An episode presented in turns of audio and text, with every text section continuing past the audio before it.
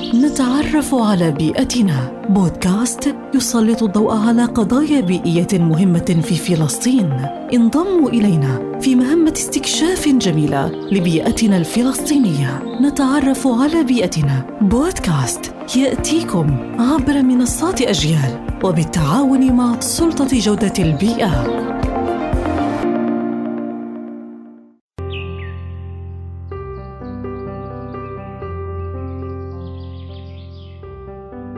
الضبع المخطط.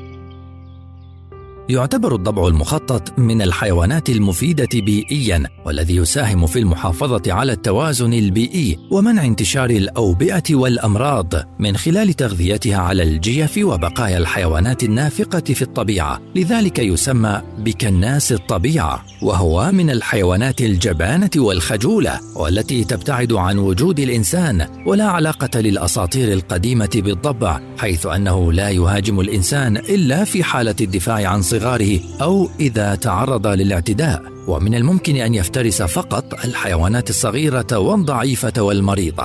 يمتاز الضبع المخطط برأسه الكبير وقوائمه الأمامية أطول من القوائم الخلفية. يقضي معظم نهاره مختبئا في الكهوف المنعزلة والحفر على ضفاف الأنهار أو بين الصخور. تحمل الأنثى لمدة ثلاثة أشهر لتضع ما يقارب من جرو إلى أربعة جراء تسمى الفرعل في البطن الواحد خلال السنة. وخلينا نتذكر بيئتنا كنزنا لازم نحميها ونحافظ عليها. نتعرف على بيئتنا. بودكاست يسلط الضوء على قضايا بيئية مهمة في فلسطين. انضموا إلينا في مهمة استكشاف جميلة لبيئتنا الفلسطينية. نتعرف على بيئتنا. بودكاست يأتيكم عبر منصات أجيال وبالتعاون مع سلطة جودة البيئة.